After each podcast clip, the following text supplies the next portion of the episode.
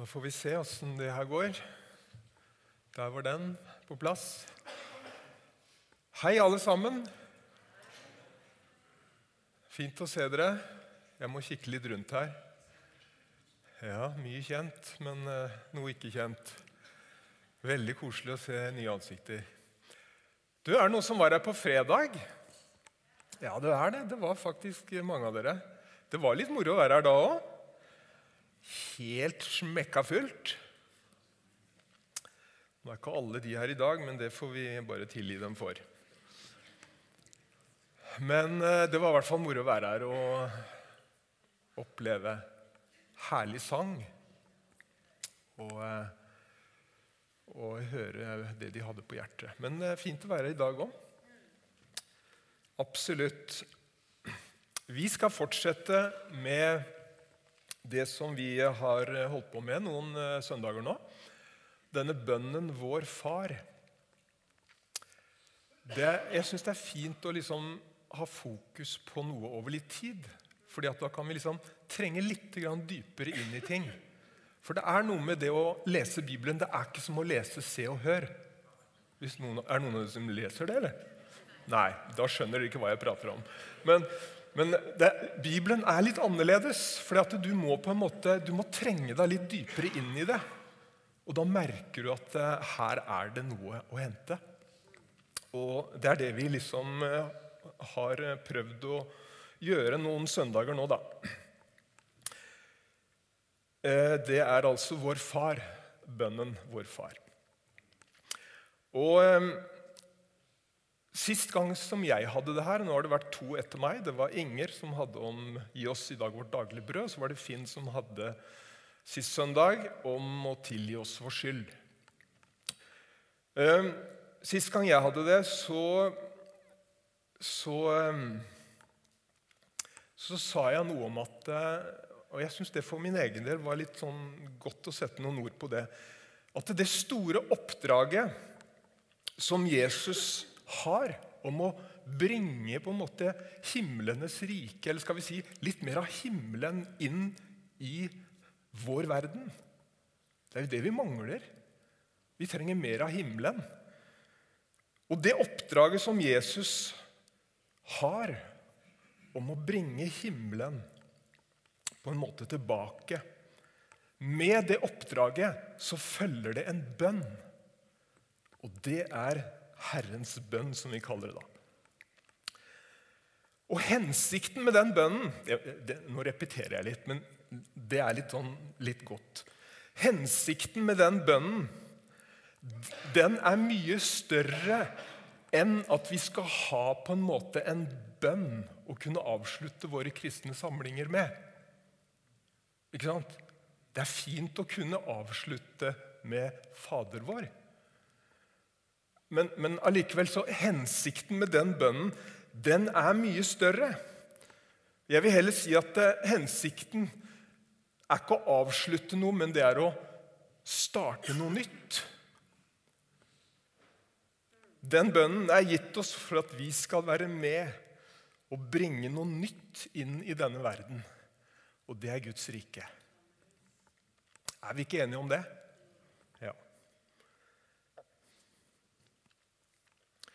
Mens de tre første bønnene i Fader vår er konsentrert om Gud og, og, Guds ære, la ditt navn holdes hellig, og disse tingene her, så er de tre siste bønnene som vi har hatt de tre siste søndagene på nå, de er, de er mer retta inn mot ditt og mitt liv i verden. De handler om hvordan vi kan bli bevart som disipler, og de handler om hvordan vi kan leve liv som fremmer Guds rike. Og I dag skal vi snakke om den siste bønnen. Og det er denne. La oss ikke komme i fristelse, men frels oss fra det onde. Og det jeg håper at eh, du skal sitte igjen med da, når jeg er ferdig og har satt meg i dag, det er at eh, vi blir alle testa vi opplever alle våre fristelser. Men ved å kunne be denne bønnen så kan Gud hjelpe oss til å stå i disse prøvene. Og så er det noe med det også at når vi, når vi står i prøvene som vi opplever, da, så er vi samtidig med og føder noe fram av Guds rike i verden. Kanskje det er en ny tanke for noen, men det har jeg lyst til å si litt mer om. Så det er ikke bare for min egen skyld, men jeg står i noe for å bringe noe av Guds rike inn i denne verden. Så det du står i, det er, ikke, det er, ikke, bare meningsløst, for å si det sånn. Det er det vi opplever. Men kanskje du er med å, å kjempe en kamp for at Guds rike skal komme inn. Om det er i barna dine, eller om det er i en situasjon rundt deg. Det er noe av det jeg har lyst til å si litt om. Vi begynner med første punktet mitt hva er fristelser? Og Jeg vet ikke hva du tenker når du hører ordet fristelser. Ja. Kanskje, kanskje, du tenker at eh, fristelser det hører ungdommen til. Men, men uansett hva du tenker om det, så, så er det i hvert fall et veldig stort tema i Bibelen. Og, og, og, det står om eh, fristelser og prøver mer enn over 200 ganger både i Det gamle og Det nye testamentet. Selve det ordet på grunnspråket det, det husker ikke jeg hva var, men det betyr både fristelse og prøve. Det å bli testa, altså. Så det går om hverandre. Og Det er liksom et sånt, det er et sånt veldig, egentlig et veldig viktig tema. Og det var, jo, det, var jo, det var jo her det gikk gærent. da. Helt i starten, med Adam og Eva. Ikke sant? Det gikk skikkelig gærent. Og, og det er faktisk her det gikk veldig gærent for mange av Israels folk. Vi leser om det når de var, var på denne vandringen gjennom ørkenen. Og så ser vi at det, fortsatt så er dette et tema som Jesus berører. Og når han er sammen med disiplene, så sier han gang etter gang dette her. Våk og be for at dere ikke skal komme i fristelse. Så det er på en måte ikke bare noe som hører ungdommen til. Det er en del av livet. Det er så lett å tenke at det, det onde det, det, finnes et eller annet sted langt der borte.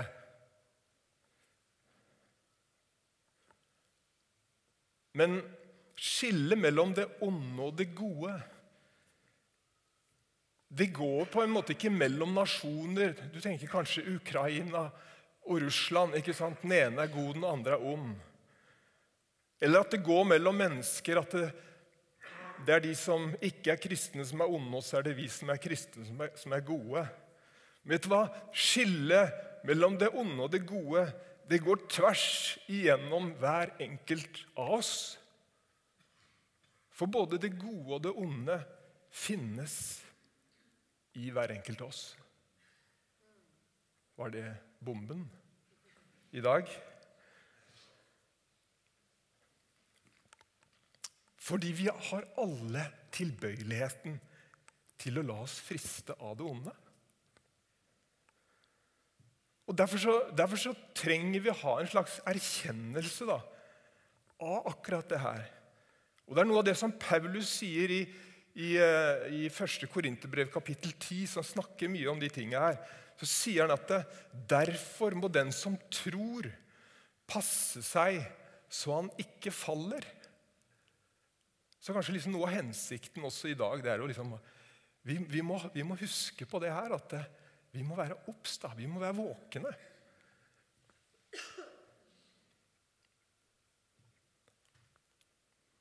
Og så er det viktig å stille seg spørsmålet da Hva er for noe som er fristelser i mitt liv Hva er det onde i mitt liv? Hva er det som vil, hva er det som vil føre meg bort fra Gud? I gamle dager så var det liksom mye mer tydelig hva man skulle holde seg borte fra. Kanskje du er gammel nok til å huske det? I hvert fall når jeg vokste opp, så var det, da, da var det gærent å gå på kino. altså. Og jeg Jeg var ganske voksen før jeg gikk på kino første gang. Jeg, når Flåklypa Grand Prix kom i høsten 75, så var ikke alle her som var på kino og så den. Og jeg vet om eh, folk som, eh, som sneik seg inn der. Ja.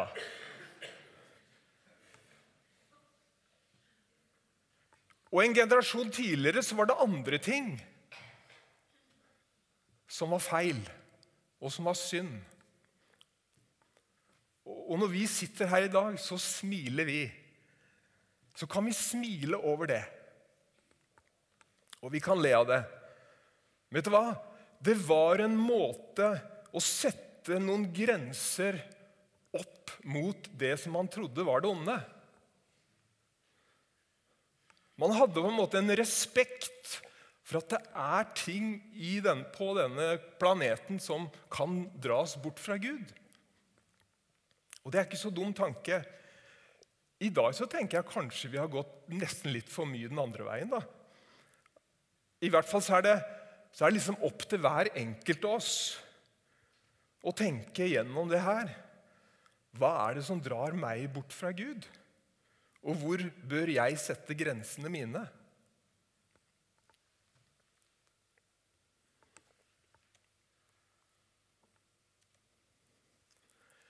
Så må jeg si litt om det her òg, for det, jo, det handler jo denne bønnen om. Frels oss fra det onde. Hva er egentlig det onde? Det er litt viktig å spørre om. Er, er, er det å ha tannverk? Eller vondt i armen? Eller, eller, det å være ensom? Det er jo vondt, alt det jeg sa nå. Men eh, når Jesus ber for sine i Johannes 17, Jesu ypperste prestelige bønn, så sier han at 'Jeg ber ikke om at du skal ta dem ut av verden', men at du skal bevare dem fra det onde. Det er en interessant setning. Med andre ord, vi lever i denne verden, og så opplever vi mer eller mindre det andre mennesker opplever. Gjør vi ikke det? Av hva livet har å, livet har å by på. Av godt og vondt. Men hva er det Jesus har i tankene når han ber Gud om å bevare oss fra det onde. Ærlig talt, det her har jeg tenkt mye på. altså.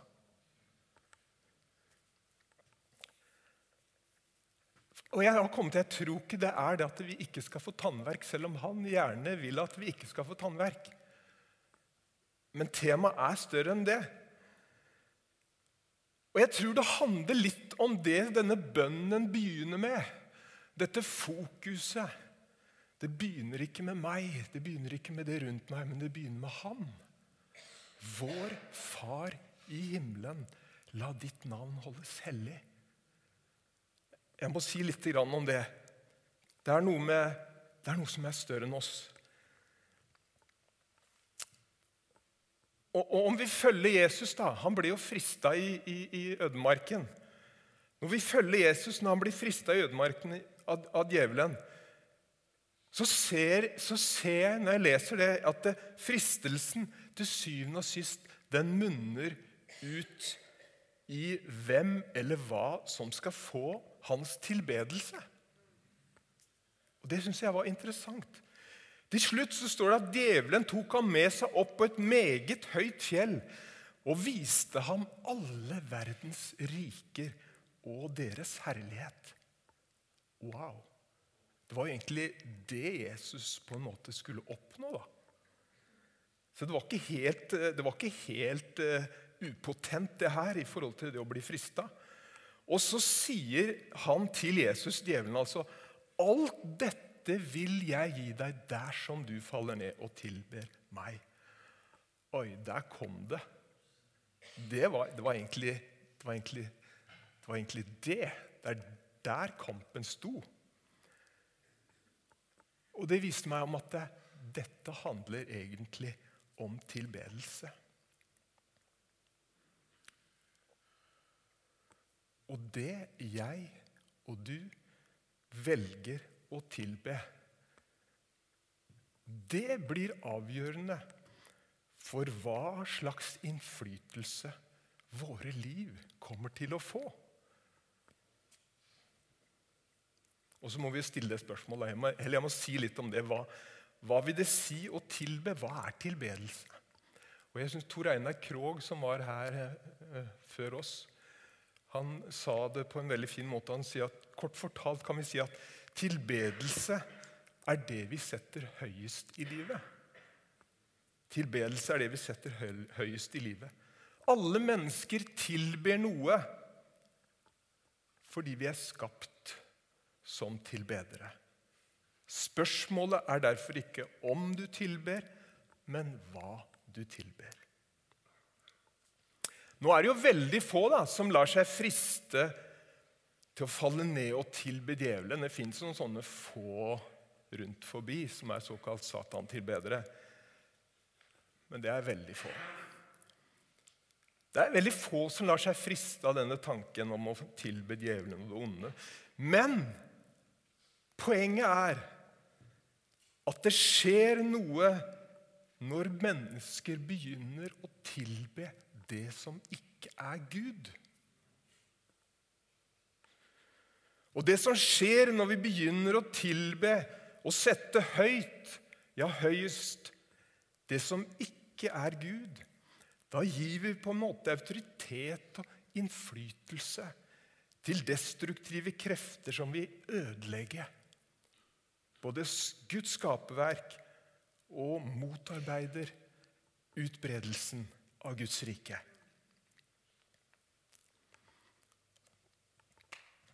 For 20 år siden så holdt vi på med en bok som heter 'Målrettet liv'. Er det noen av dere som husker det? Det er 20 år siden. Ja. Skal vi se Hvor gammel var jeg da, tenker du da? Ja. Ikke regn for mye på det nå. Det kan du ta etterpå. Nå skal du høre, Han som har skrevet den boka, han hadde en, en, en, en setning som jeg syns er veldig fin. Som jeg må si nå. Han sier det at livet er en prøve. sier han. Hvordan skal vi se på livet? ikke sant? Hvilken livsmetafor skal vi ha. Så har han flere, da. Men en av de var det her. Livet er en prøve. Og så sier han at han begrunner det med at Bibelen er full av historier som bekrefter det. Adam og Eva som ble prøvet i Edens hage. Abraham som ble prøvet da han ble bedt om å ofre sin sønn. Jakob som ble prøvet og som måtte arbeide syv år ekstra for å få kona Rakel. Josef som ble prøvet da han urettferdig og urettmessig ble solgt som slave til Egypt. Og så er det mange mange flere. David, Ruth, Jobb, Daniel og, og mange andre. Og I tillegg så ser vi at det, den Israels vandring gjennom ørkenen etter utfrielsen fra Egypt, det er egentlig en gedigen prøve. En test på hva som bodde i hjertet deres. Og når vi ser på alle disse her, så ser vi at noen besto prøvene, mens andre svikta. Og så skal jeg sitere litt fra boka til eh, Rick Warren. Hør på hva jeg leser nå. Han sier det at karakteren utvikles og avsløres ved prøver. Og hele livet er en prøve. Du blir alltid prøvd. Gud følger konstant med i hvordan du forholder deg til mennesker, problemer, suksess, konflikter, sykdom, skuffelser. Vi kjenner ikke alle prøvene som Gud vil teste deg med, men vi kan forutsi noen av dem basert på Bibelen. Du vil bli prøvd ved store forandringer, løfter hvis oppfyllelse lar vente på seg, umulige problemer, ubesvarte bønner, ufortjent kritikk og til og med meningsløse tragedier. Og så sier han til slutt Når du skjønner at livet er en test, så innser du at ingenting er ubetydelig i livet.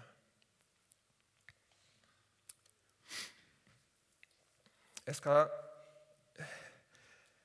jeg skal ta med noe som jeg har kalt fire hovedfristelser. Eh, jeg vet ikke om jeg kan kalle det hovedfristelser, men det er i hvert fall Paulus som eh, snakker om Israel i ørkenen, som gikk gjennom denne ørkenen. ikke sant? Og så ble de frista med det ene og det andre. Og Så trekker han ut fire ting, og så sier han at dette handler ikke bare om gamle dager. Dette er, dette er for oss i dag, og vi må lære av det her. Og så, Derfor så skal jeg bare nevne de ganske raskt, de fire fristelsene. Det første det er avgudsdyrkelse. Det er i 1. Korinterbrev kapittel 10 dette står i. Og, og, og, For deg som har gått på søndagsskolen eller som har lest i Bibelen, så handla dette om dansen rundt gullkalven. Mens Moses var på fjellet, så lagde de seg en gullkalv så begynte de å danse rundt den. Og sånn Kort fortalt så tenker jeg at det, dette handler om penger og rikdom. Og når dette får feil plass i livet vårt. Og jeg tror ikke dette er utdatert. Jeg tror faktisk det fortsatt er aktuelt for oss som lever i dag. Og så tenker jeg, Kort fortalt tenker jeg, en god medisin mot dette, det er å gjøre som Bibelen sier. Lær deg å gi. Gi bort.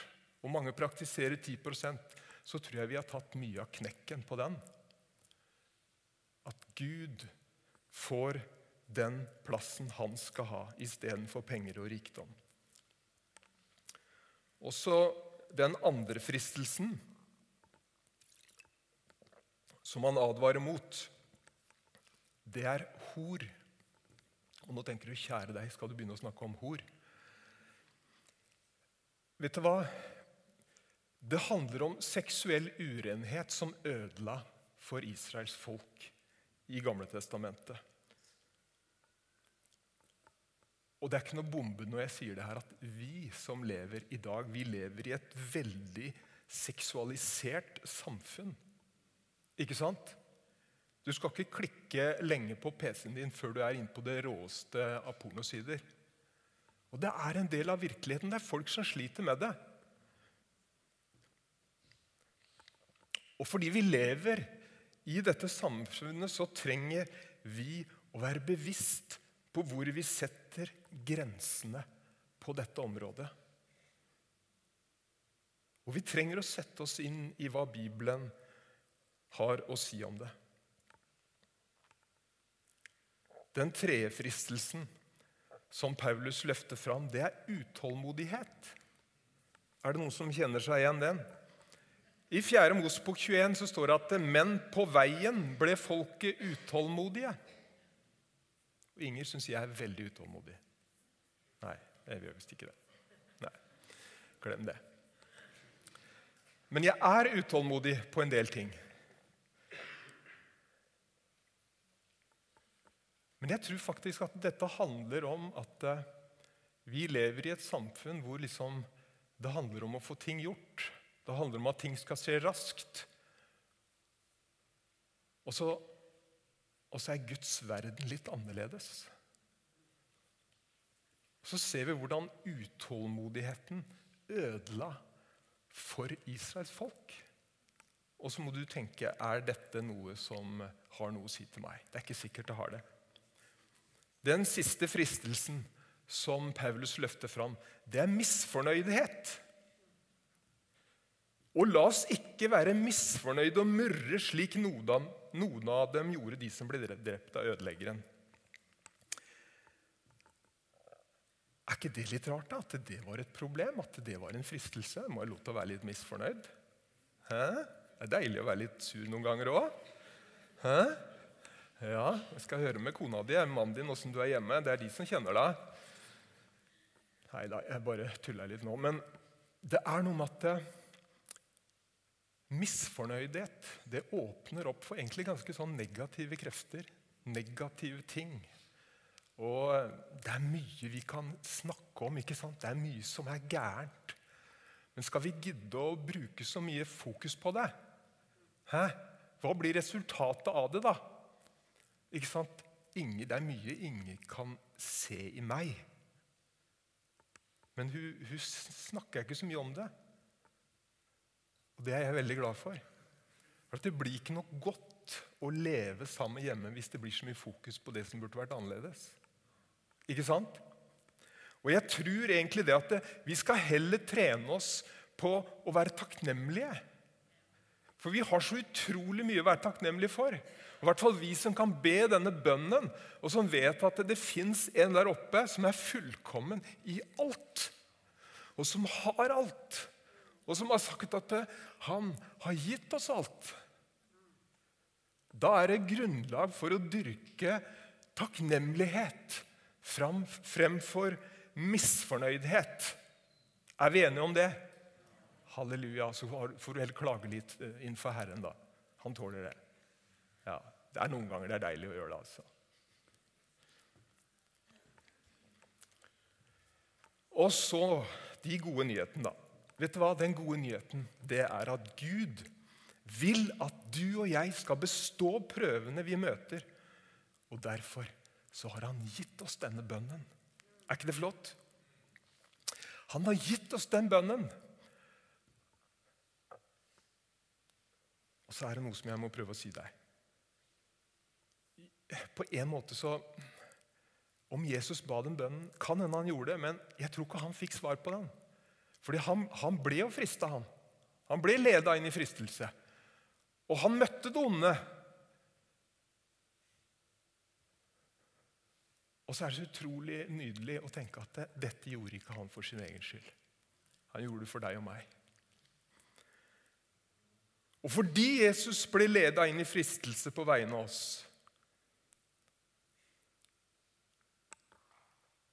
så kan vi be denne bønnen.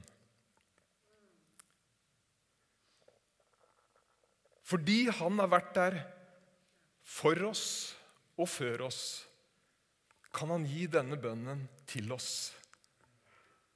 Halleluja for det. En teolog som heter Tom Wright, han har sagt å be denne bønnen, frels oss fra det onde, er som å inhalere seieren Jesus vant på korset. ikke det fint sagt? Den gode nyheten er at Gud vil at vi skal bestå prøvene vi møter. Derfor tillater han ikke at de blir større enn den nåden han gir. Han gir deg nåde for at du skal takle dem. Og det sier han noe om i det verset her. Dere har ikke møtt noen overmenneskelig fristelse, og Gud er trofast. Han vil ikke la dere bli fristet over evne. Nei, når dere blir fristet, vil han vise en utvei slik at dere kan holde ut. Er ikke det oppmuntrende? Enda en god nyhet. Når jeg består prøvene, så er det bra ikke bare for meg, men det får betydning også for mennesker rundt meg. Og Det er det som går igjen i denne bønnen som vi har påpekt flere søndager.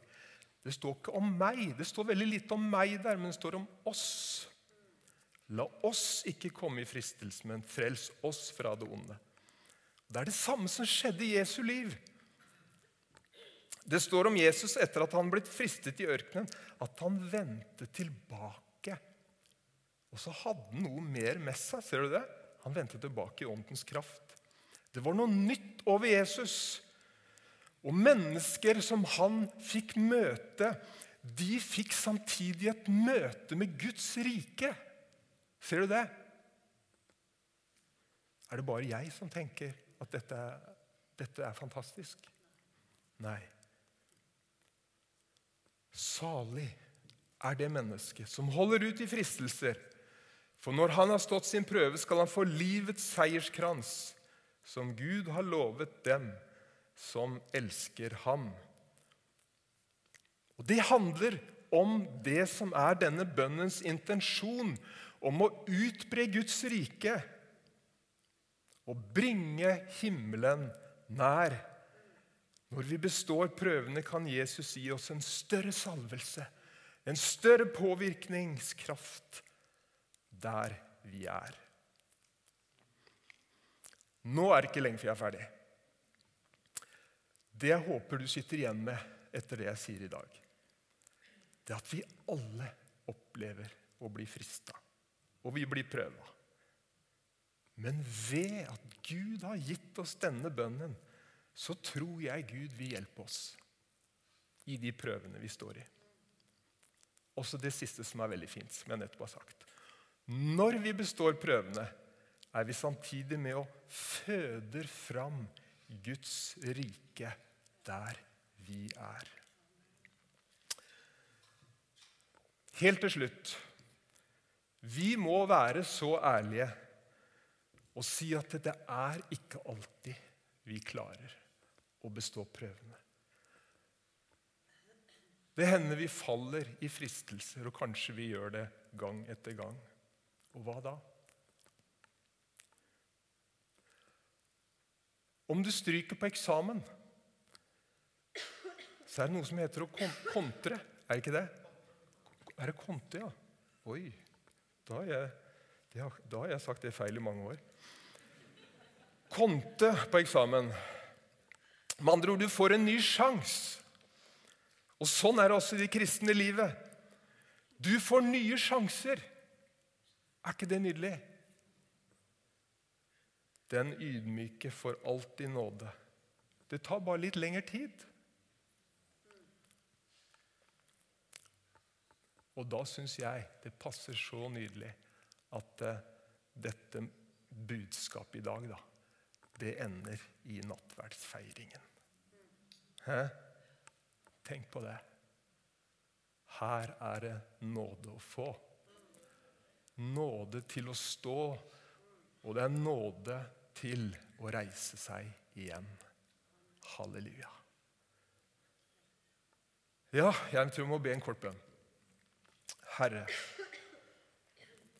å, vi priser deg. At du er vår himmelske Far. Takk for det at eh, alt har vi deg. Takk at du har gitt oss disse bønnene for at vi skal få lov til å få nåde fra deg til å være dine tjenere, til å være bærere av ditt rike. Inn der hvor du har satt oss, inn i våre familier, inn i der vi jobber her, og der vi bor. Og så priser vi deg for at du skal hjelpe oss til å praktisere det her. Og Jeg ber om at du skal gjøre sånn at ikke vi havner i fristelser som ødelegger livet vårt. At du skal frelse oss fra det onde. At vi skal få lov til å være med og føde fram mer av ditt rike der vi er. Med de kampene som vi kjemper, Herre. Takk at du skal styrke oss, og takk at vi nå skal få del i noe av dette gjennom nattverden. Velsign den for hver enkelt. Jeg ber også om at du skal komme med tilgivelse og oppreisning for mennesker som kjenner at de har falt, som kjenner at de har svikta, Herre. Som ikke har klart å leve opp til den standarden som de ønsker. Herre, jeg ber om at du skal bare komme med nåde. Du skal komme med kraft, og du skal komme med legedom. Takk at det er nye muligheter hos deg. Halleluja. Amen. Amen. Vær så god, Inger.